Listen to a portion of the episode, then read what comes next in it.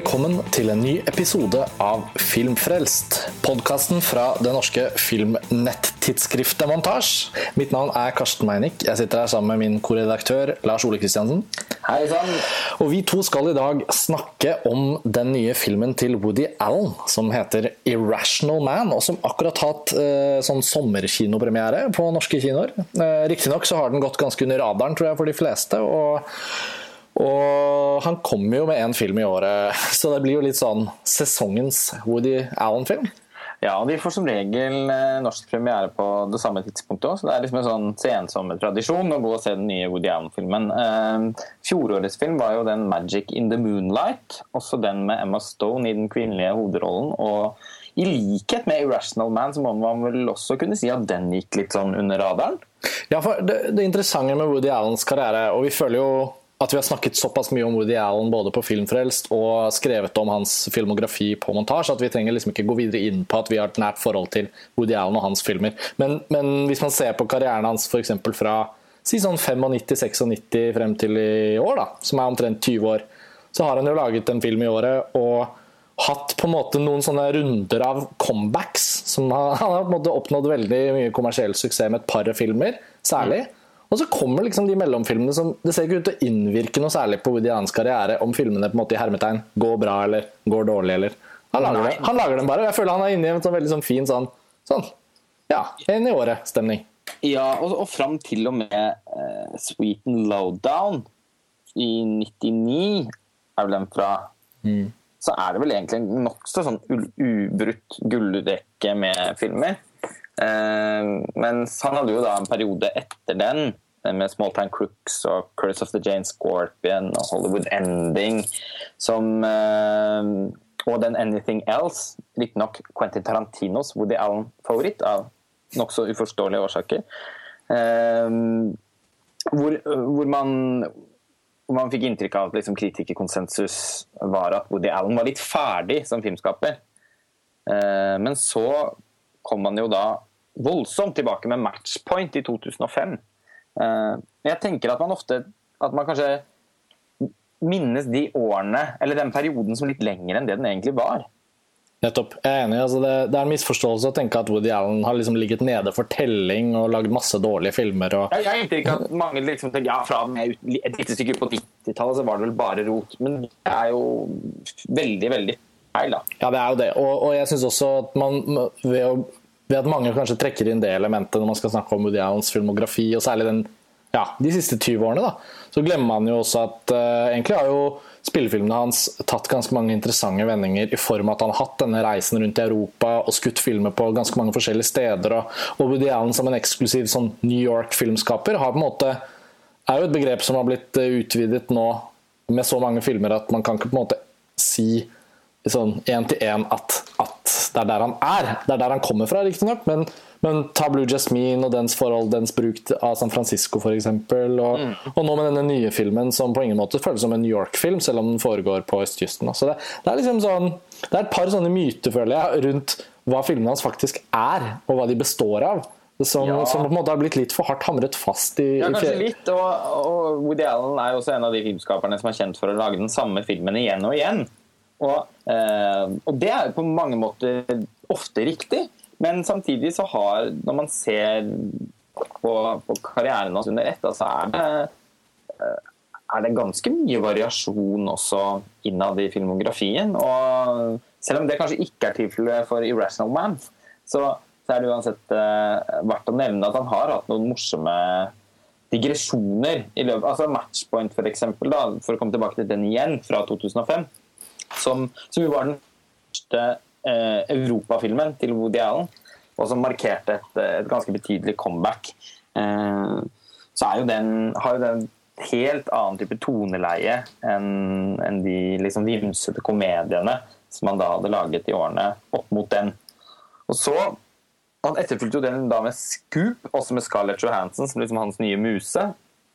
Eh, som mer var en sånn klassisk Woody Allen mellomfilm. Uh, og så lagde han Cassandra's Dream, hvor han igjen, akkurat som i Matchpoint, går inn i det her med uh, si, mord og misforståelser. Det er jo tittelen på, på, den filmen han lagde som på en måte igangsatte den Hva skal man kalle det? Den linjen i Woody Allens filmografi. Hvor han leker seg med litt sånn krimelementer i ja, platene sine. Liksom mord og moral og eh, veldig sånn tykke referanser til Dostojevskij.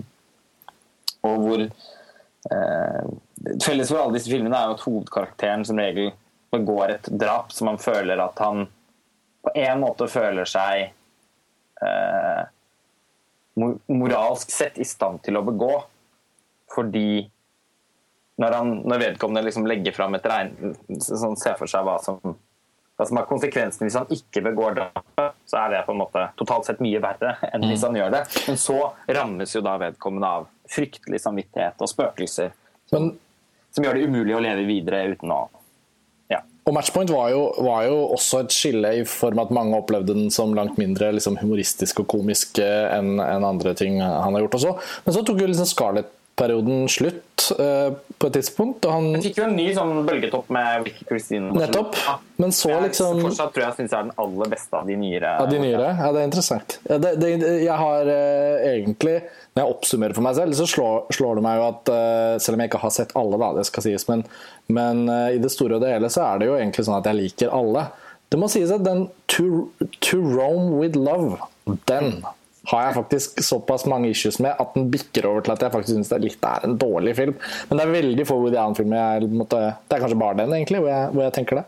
Um, ja, altså, jeg har det veldig på samme måte som deg. Jeg likte til og med To Rome With Love selv om hvis jeg hadde hatt et gjensyn med den, så kan det hende at begeistringen hadde roet seg litt. Da var jeg fortsatt på rusen etter uh, Midnight, Midnight Paris. Rus, jeg vet vi delte. Ja, det gjorde vi. Eh, Men uh, dette bringer oss jo opp til Irrational Man, som er denne nye årets film. jeg tenkte nå mens vi snakket at kanskje vi skal ta en sånn kort første fase hvor vi ikke snakker for mye om plottet eller de bestanddelene i historien som kan føles som avsløringer for lytterne. Og så kan vi jo heller bare si fra at nå, nå går vi inn i for det er gøy å snakke om hele denne historien, og da tenker jeg kan jo mange heller komme tilbake til den episoden og høre hvis de har gått og sett filmen.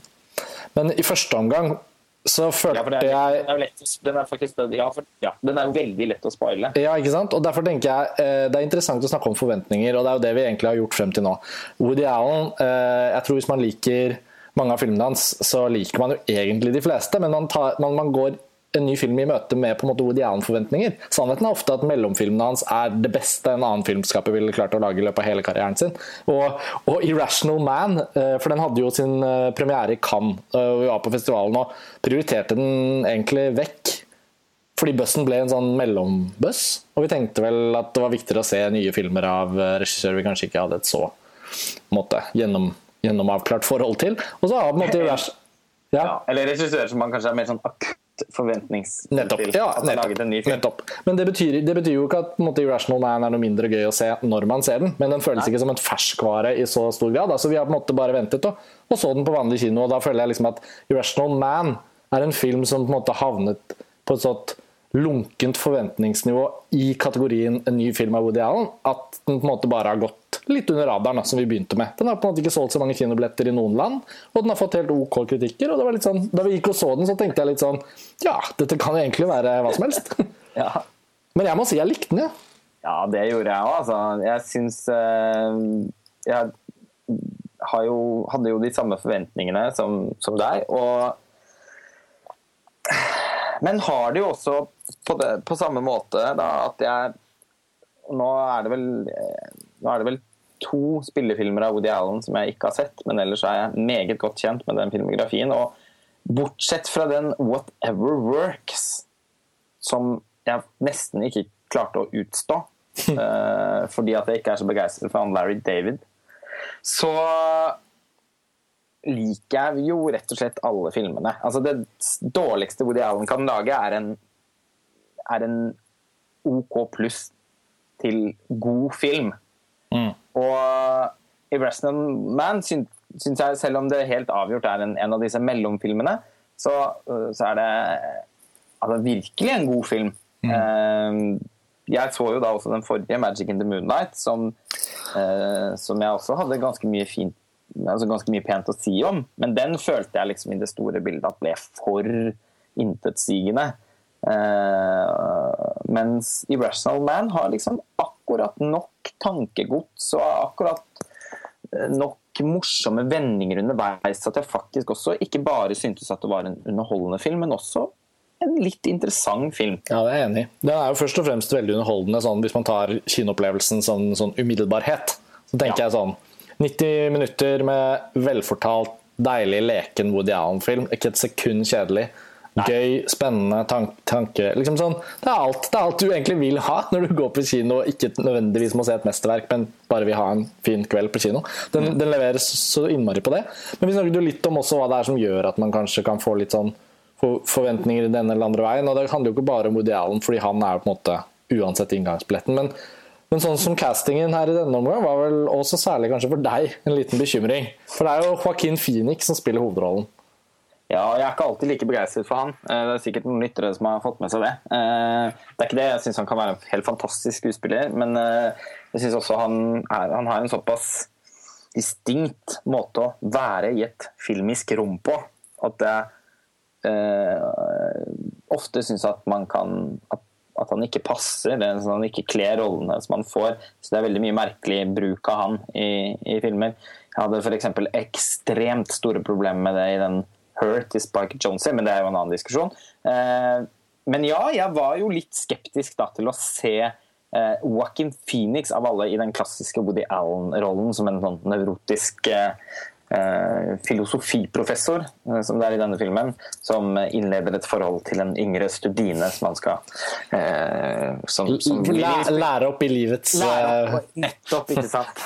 Men altså det er jo kunsten og seksualiteten og jeg vet ikke hva. Ja, det, Dette er under etiketten hvor Diana lager den samme filmen hver gang, men også dette med casting er interessant å komme litt mer inn på, nettopp fordi at det er jo nettopp denne Woody Allen-figuren som blir fordelt rundt på forskjellige skuespillere fra film til film. Og Det er på en måte et litt fascinerende studie i seg selv. Hva, ja. er, det, hva er, det, de forskjellige skuespillerne kan få tilført utover det, det som på en måte har ligget i hver og en av de rollefigurene? Og da, og da var det jo faktisk litt en positiv overraskelse å se denne filmen og se at jo, i denne, akkurat i denne filmen så er på en måte rollen skrevet og, og, på en måte paret med Joaquin Phoenix' eh, kvaliteter og, ja, og særtrekk, kan man si på en, en, en vellykket måte. Ja, eh, altså, man har liksom den Jeg er enig. Man har tatt den klassiske Woody Allen-arketypen, men så har man tilføyd noe, noe Phoenix-tech. Eh, ja, ikke minst så, de første 20 minuttene. Ikke minst, ja, og Da var jeg også litt bekymret. jeg følte han, han, tok med seg han fra The Master. Det var vel der jeg følte han la seg. På den litt sånn konstant forvirrede, drita fulle Eh, litt sånn endeløst bablende. Men fordi det er et Woody Allen-manus, så er hvert ord såpass presist uttenkt at selv med bablingen til Joaquin Phoenix så kom det jo noe meningsfullt ut av de fleste scenene. Gjorde det med den scenen hvor han uh, ute i holdt på å si, skolegården der i løpet av en kort samtale tar seg noe sånt, noe som fem slurker av den lommelerka. Da begynte jeg å tenke at dette her kan tippe over. Men så gjorde jo aldri det. Og nettopp det at man har tatt med Eh, det her noe litt sånn fordrukne og durkdrevne med Joaquin Phoenix, da, som man veldig sjelden ser hos de Woody Allen-arketypene som Woody Allen spiller selv. Jeg har knapt sett Woody Allen ta seg et glass vin. Jeg kan bare se for meg at Woody Allen-rollefiguren ville blitt svimmel av å bare smake på en glass champagne. ja. Og så blir det en nevrotisk livskrise som resten av filmen handler om. Ja, altså, som regel hos Woody Allen så er en sånn hovedkarakteren takker nei til alkohol med en sånn kjempelang forklaring. Uh, When I was seven. oh my god, I can't drink alcohol because I, I, I'm, I'm dying. Ja. Så, men, det er, men, det er, litt herlig å se at, at, denne arketypen som Woody Allen egentlig har da fortalt oss om i alle sine filmer, eh, nesten, kan, den kan liksom tilføres nye liksom, sjatteringer fra rolle... Nå har ikke jeg sett Magic in the Moonlight, da, men bare castingen av Colin Firth som en type slår meg også som en sånn Ja, hvorfor kan ikke han gli inn og gjøre liksom Woody Allen-greia? Han gled ganske sånn friksjonsløst inn. Ja, det, det kan jeg se på meg. Uh, men på en mer, mer uinteressant måte. Da. Og jeg syns, eh, jeg syns faktisk dette her var den beste rollen jeg har sett Joaquin Phoenix i på ganske lenge. Det, eh, det, sier, jo, det sier jo en del. For, for, konsensusen har på en måte vært enig i at han har gjort ganske mye bra da, de siste årene. Jeg vil kanskje si at den I'm Not Here er det absolutte lavmålet i Joaquin Phoenix-boka for meg. Det var også fordi det var en så fryktelig dårlig film. Um, jeg fikk aldri sett den. Nei, den konsept, det, er, ja, det er den konseptfilmen om at han skal gi seg som skuespiller og bli rappartist.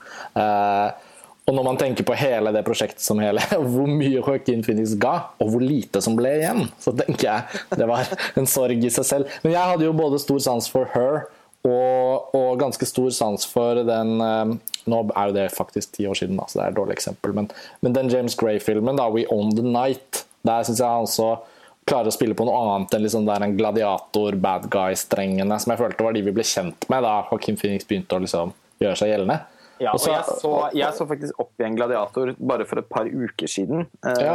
og, og det var et eh, veldig flott gjensyn. Og, Ja. og han er jo helt enormt god i den filmen. Ja, han er helt eh, utrolig. Så, Så eh, det står liksom ikke på talentet, men han har på en måte blitt litt til en type, da. Mange fikk lyst til å skape karakterer på han som Nei. minner litt om han Commodus i Gladiator. Men noen ganger så føler jeg sånn som i den, eh, den siste James Gray-filmen, da. Ja, Det er mer en problemfilm jeg hadde i Immigrant, selv om mange setter veldig stor pris på den. Ja. Der syns jeg liksom Joaquin Phoenix sånn mjæling you know, oh, Da får jeg sånn Da blir det nesten som sånn parodi på Marlon Brando, som jeg har kjempestore problemer med. Og jeg, eh, tanken om at noe sånt skulle rusle inn i en Woody Allen-film, Ja. det, var, eh, det var ikke spesielt Men du, ku- eh, Ja, nei. ja, du kunne jo puste lettet ut ganske tidlig, da. Ja, det- ja, Fordi så... Irrational Man er en film som egentlig fungerer fra, fra, fra med en gang. Den er utrolig tydelig og ren i, på klassisk Woody Allen-vis. Han eh, gjør så mange scener på så tilsynelatende enkelt og elegant vis. Jeg synes Særlig når han, eh, hovedpersonen ankommer da universitetet og på en måte er litt sånn i gang med undervisningen. Og, og Emma Stones rollefigur som, som hun skoleflinke jenta eh, med litt sånn appetitt på uh, nye perspektiver inn på livet, og, og som elsker å lese Dostojevskij og sånn. Når de to liksom begynner å ha samtaler, og det er ganske Ja. tidlig i filmen, så er han allerede så godt oppe i gir at da satt jeg og tenkte sånn Nå er, nå er jo på en måte filmen allerede helt super. Og Ja, jeg hadde jo også litt lave forventninger, så var det der, det kom et sånt løft der etter sånn åtte-ti minutter, hvor jeg begynte å tenke ja, dette kan jo bli hvor bra som helst. Ja, jeg satt med, satt med akkurat den samme følelsen. Og da skal det jo sies at selv om man noen ganger kan klø seg litt over at han bruker de samme Det som etter hvert da har blitt Woody Allen-klisjeer igjen og igjen og igjen, og igjen, så eh, er det noe et eller annet med at han er altså så svinaktig god til å skrive manus at historiefortellingen stort sett er liksom omtrent så elegant som man kan få det. da. Ja. Og eh, Man merker jo det i løpet av, sier, løpet av de første liksom, fem-ti minuttene av denne filmen, at man er i gode hender. Og Joaquin Phoenix er, passer utmerket godt som denne fordrukne filosofiprofessoren som da rammes av en som er, virker som er en slags sånn evigvarende eksistensiell tåke. Ja. Eh, og Emma Stone også, som gjorde en veldig fin figur i Hun er jo i det hele tatt en veldig elskelig eh, skuespiller. Ja, og hun er en veldig god skuespiller, akkurat som Kristen Stewart. Altså to av disse veldig nå berømte stjerneskuddene i den generasjonen der. Mm. Så Emma Stone og Kristen Stewart. Og Kristen Stewart skal jo nå spille i den neste filmen til Woody Allen. Det var jo De- skrevet stjerne. Ja, men de to er jo faen meg først og fremst ekstremt gode skuespillere. Og, og, og, og det er jo på en måte Det skal, det skal sies om Woody Allen at han han plukker jo herfra og derfra, men han klarer jo å hente ut utrolig mye bra rett og slett fra disse folka som gjerne har blitt stjerner. Ta Owen Wilson i 'Midnight in Paris' og sånn. Ja. Altså, sånn, man kan si hva man vil om hans type, og han spiller jo også på en måte den samme typen i alle filmer. Men det er i 'Midnight in Paris' hvor han liksom da blir merga med det Woody Allen med det Woody Allenske, og så kommer på en måte noen av de urkvalitetene til Owen Wilson som kanskje bare Wes Anderson har vært i stand til å fange. Da. De kommer til overflaten. og jeg føler Med Joaquin Phoenix her så var det nesten så jeg følte at han ble liksom også litt sånn befridd fra den fasen som har vært opp til nå. Ja, at, sånn. eh, jeg krysser liksom fingrene for at dette kan liksom lede til en litt mer sånn avslappet og, og velartikulert versjon av uh, Joaquin Phoenix i fremtiden. Det hadde vært eh, veldig gledelig. Og, og når du nevner Emma Stone og Kristen Stewart som skal spille i den neste filmen, det har jo vi spøkt med eh, i flere år nå. At Kristen Stewart, altså Det må jo være tidsspørsmål før hun skal spille i en Woody Allen-film. Og så har hun ikke gjort det. Nei, altså Til og med Greta Gerwig og Jesse Eisenberg har allerede blitt sluppet inn i Woody Allens univers. liksom. Jesse Eisenberg òg følte jeg var sånn. Ja, men det var nesten for. ja, det var jo den To With Love som du mislikte Ja, så Det var litt uheldig, det. bidro vel.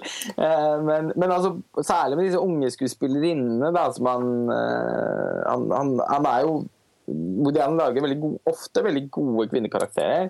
Eh, og, og har en interesse for unge folk, da.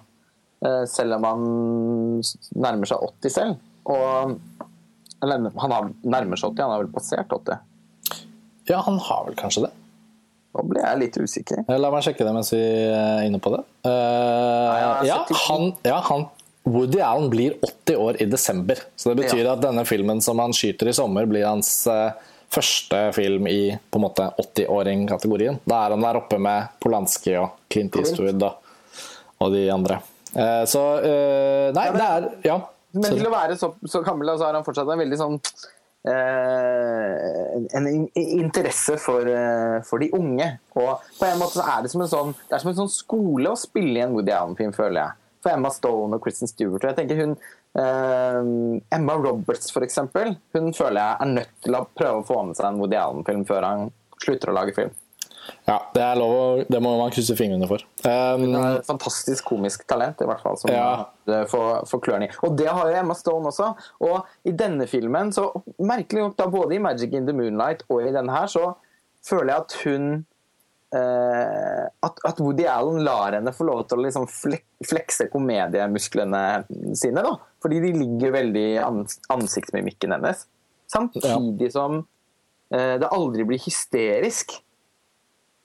Som det jo også kan bli eh, hos Woody Allen noen ganger. Mm.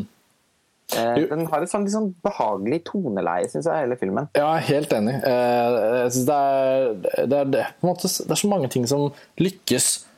Eh, underforstått, Det er fortsatt en mellomfilm. det er ikke det Jeg mener ikke å liksom si at Irrational Man er liksom helt der oppe i, i den viktigste kanonen, eller noe. men det er, det er noe med at det er så deilig å se at det fortsetter å være mulig for Woody Allen uten at det ser ut til at eh, alder eller noe går inn på han. Så er det liksom mulig for han å med en sånn tilsynelatende letthet gjøre en så god film. Og den lettheten som jeg føler det må bare eksistere et eller annet i den kunstneriske prosessen han har, og det han har med samarbeidspartneren sin, så, så, er det likevel så, så godt fortalt og så, og så godt tenkt at liksom når han har en så stram fortelling og så behagelig bildespråk Det er jo veldig mange scener som løses hovedsakelig i ett bilde.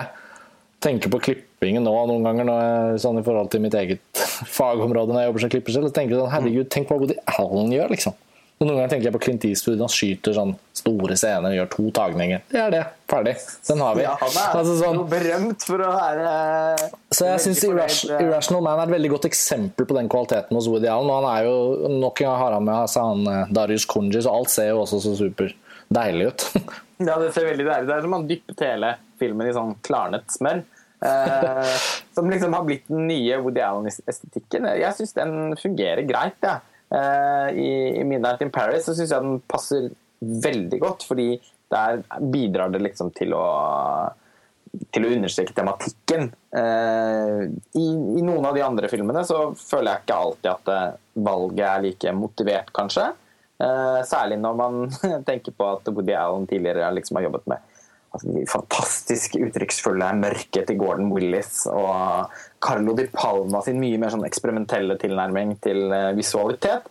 Men Darius Conji er jo, selv om han på ingen måte har blitt den fotografen som man trodde han skulle bli, etter at han jobbet med Jean-Pierre Genet og Davy Fincher i liksom velmaktsdagene på 90-tallet, mm. så så er han jo på en måte også en av de mest sånn hyperkompetente eh, mm. fotografer. Altså, du, du, merker liksom at eh, er, han, han gjør det med venstrehånden, da, men på en bra måte. Og som kler eh, altså Irrational Man ser jo, den ser jo helt super ut. Altså, den kunne jo Tenk så mange type slags Jeg vil, vil nesten ikke egentlig kalle den en romantisk komedie. For det er den egentlig ikke. Den er nesten mer et moral humoristisk moraldrama. Mm. Men eh, tenk som likevel så mye bedre den ser ut enn veldig mange eh, sånne små filmer. da, eh, ja. Ja, Det er nettopp i de tingene vi snakker om nå, hvor, de, hvor den forskjellen oppstår. Da, hvor man kan snakke om liksom at uh, å, det er en litt sånn medium Woody Allen-film. Men ta inn hvilken som helst random annen film til sammenligning, da, så blir jo disse mellomfilmene til Woody Allen som liksom små mesterverk å regne. Ta ja, den, Woody, den siste filmen til Altså den siste filmen på norsk kino i hvert fall til Noah Baumbach, da, 'While We're Young'. ja, som vi har i, i, i sorg forbigått i stillhet. Ja, For den var det jo ingen av oss som likte. Nei. Og, det, og, og, og tenk liksom så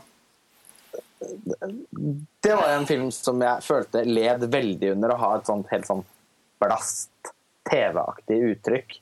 Og, eh, og, av skulle, og av at den skildret en, en rett og slett en verden som jeg ikke nesten på noe tidspunkt klarte å tro på.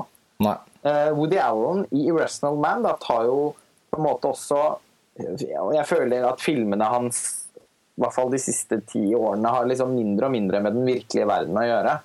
Men han forsøker jo da heller ikke å Han har nettopp liksom da dette liksom smørglinsende foto, eh, de litt sånn, sånn eh, lune karikaturer som man på en måte gjør, som gjør at man til en viss grad i hvert fall klarer å slå seg til ro med at filmen ikke skal fortelle oss noe veldig viktig. Eh, men at den kan stille et par spørsmål som man kan fundere på over et glass vin etter at visningen er ferdig.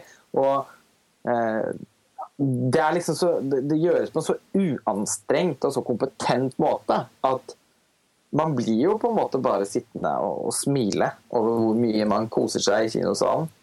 Ja, eh, vi er kanskje kjedelig enige her, men det er, eh, og det, dette er et godt tidspunkt for kanskje å gå inn i spoilere. da. Nå tenker jeg Hvis du har hørt frem til hit og får lyst til å se Rational Man, så er det på en måte bare å gå og gjøre det. Ja, Eh, det er litt gøy å snakke om om kanskje, og så Ja. tror jeg ikke vi har gjort det ennå. Nei, altså ikke helt, men, men, men fra og med nå så, så bare slipper vi alle spoilerne løs. For det er på en måte et plott som er, det er en historie han har gjort her som er såpass gøy å oppdage mens man ser den. da. Ikke fordi det er noe sånn stor twist heller, men det er bare rett og slett ganske gøy å ikke vite det. Ingen av oss visste det, tror jeg. Så, så, så fra og med nå så blir det spoilere. Ja, jeg var ikke klar over at denne filmen Nå nevnte jeg jo uh, Ja, for det var en veldig elegant planting. Jeg tror ingen kunne lese at det var noe spoiler, i hvert fall.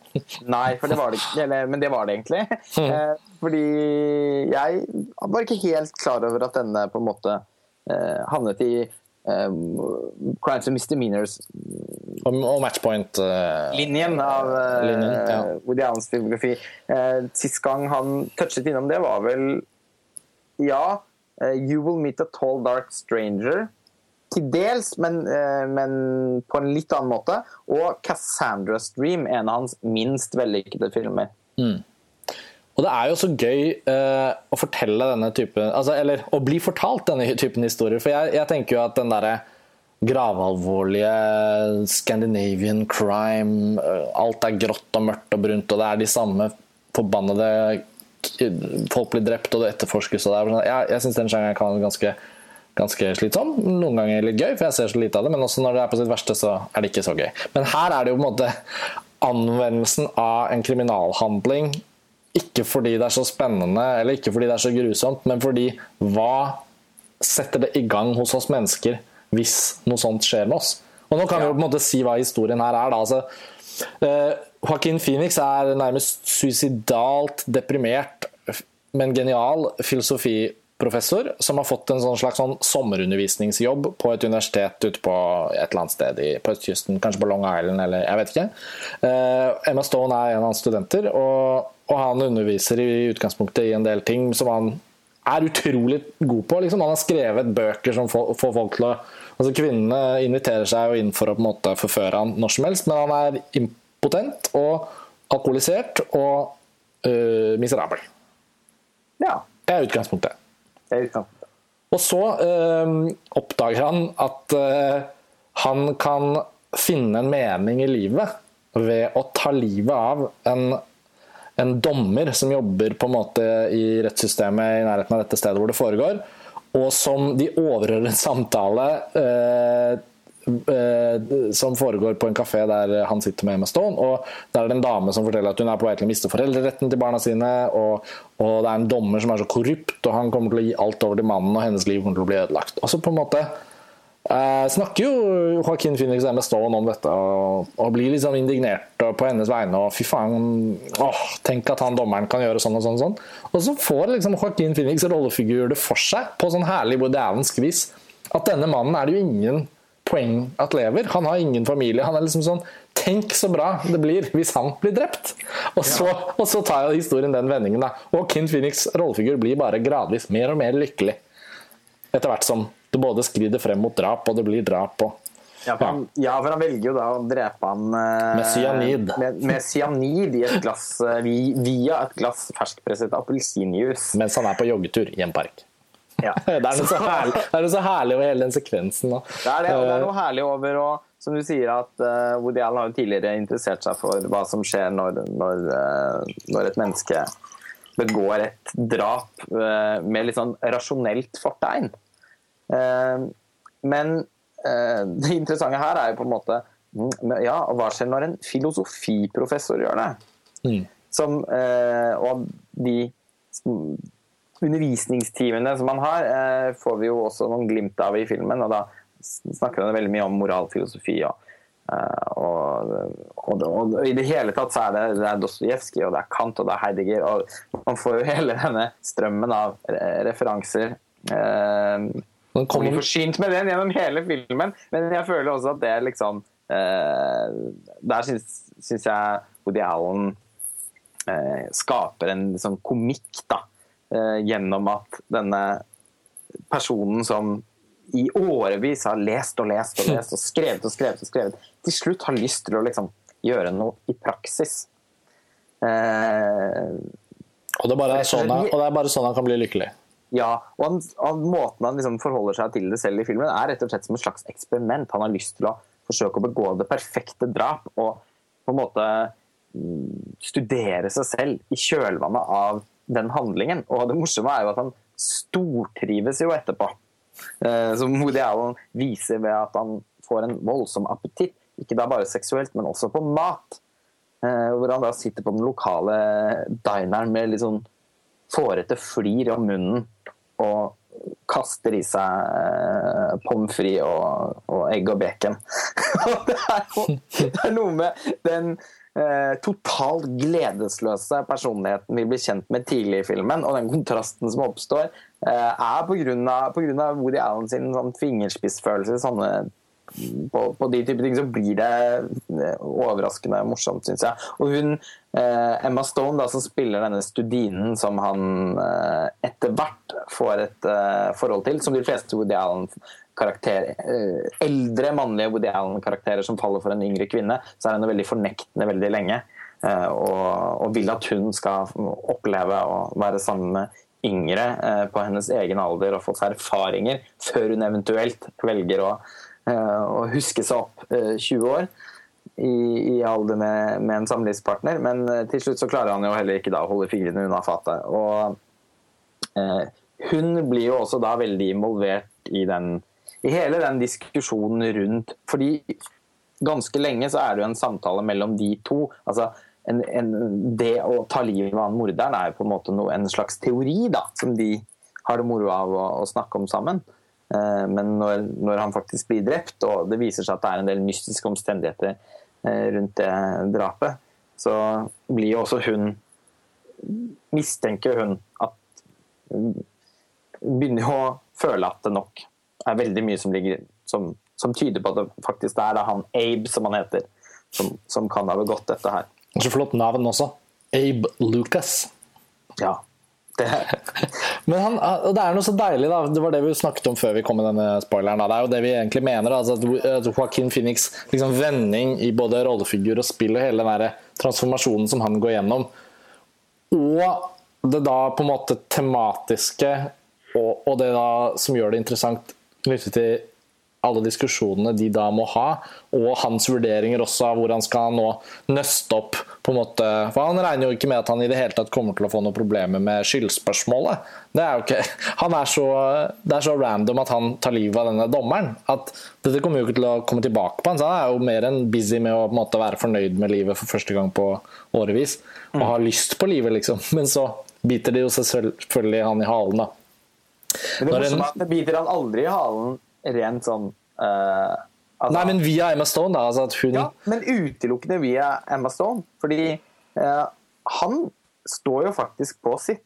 At han syns jo det han har gjort, er en var, var, det absolutt beste han kunne gjøre. Og det er jo, jeg syns det er interessant hvordan filmen på en måte stiller det samme spørsmålet til publikum.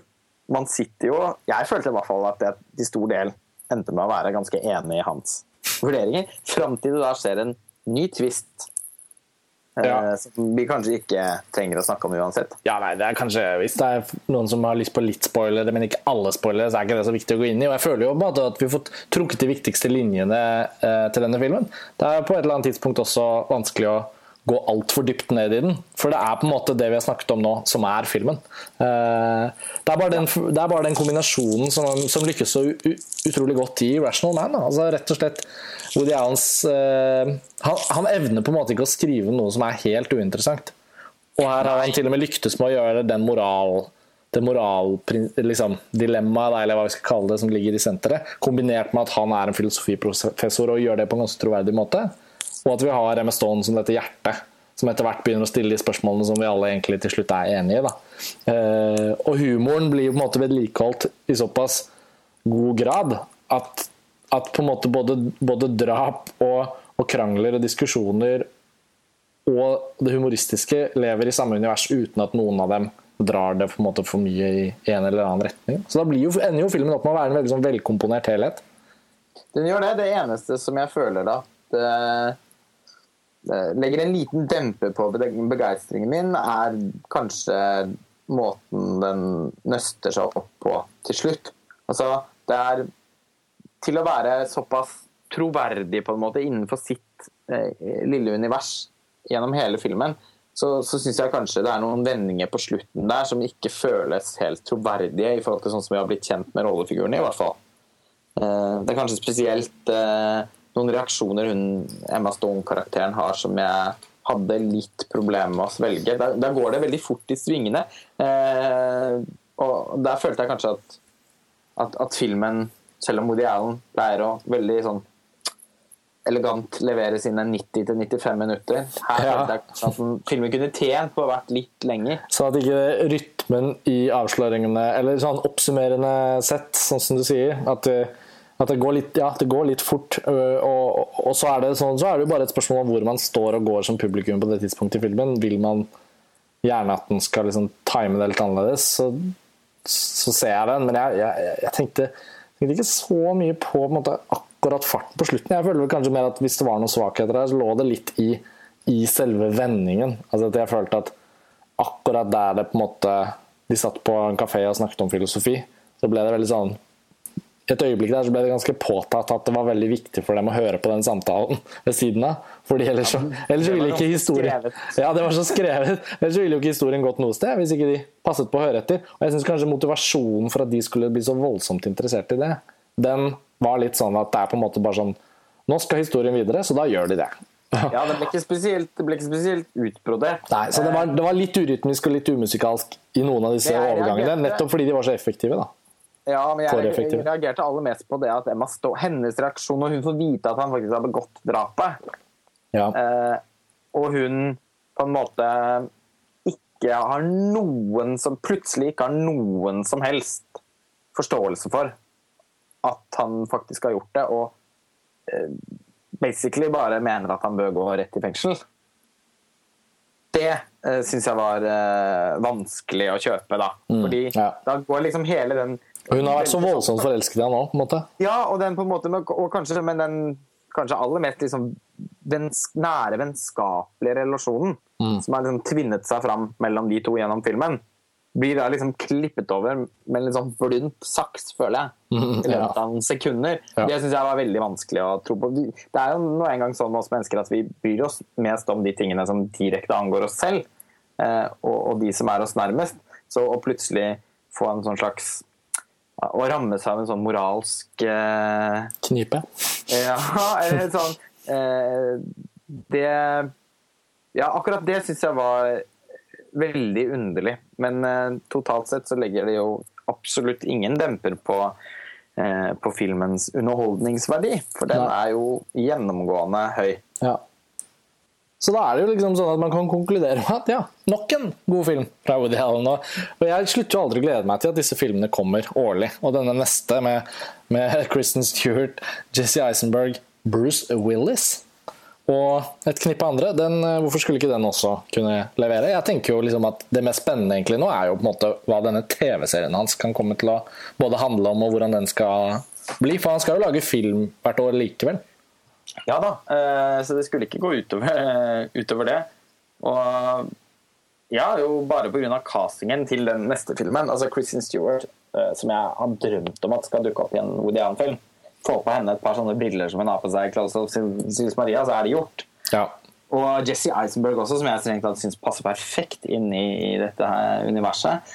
Og hun Johnny Berlin, eh, som gjorde en så gåsehudframkallende eh, rolleprestasjon i Margaret, ja. dukker også opp.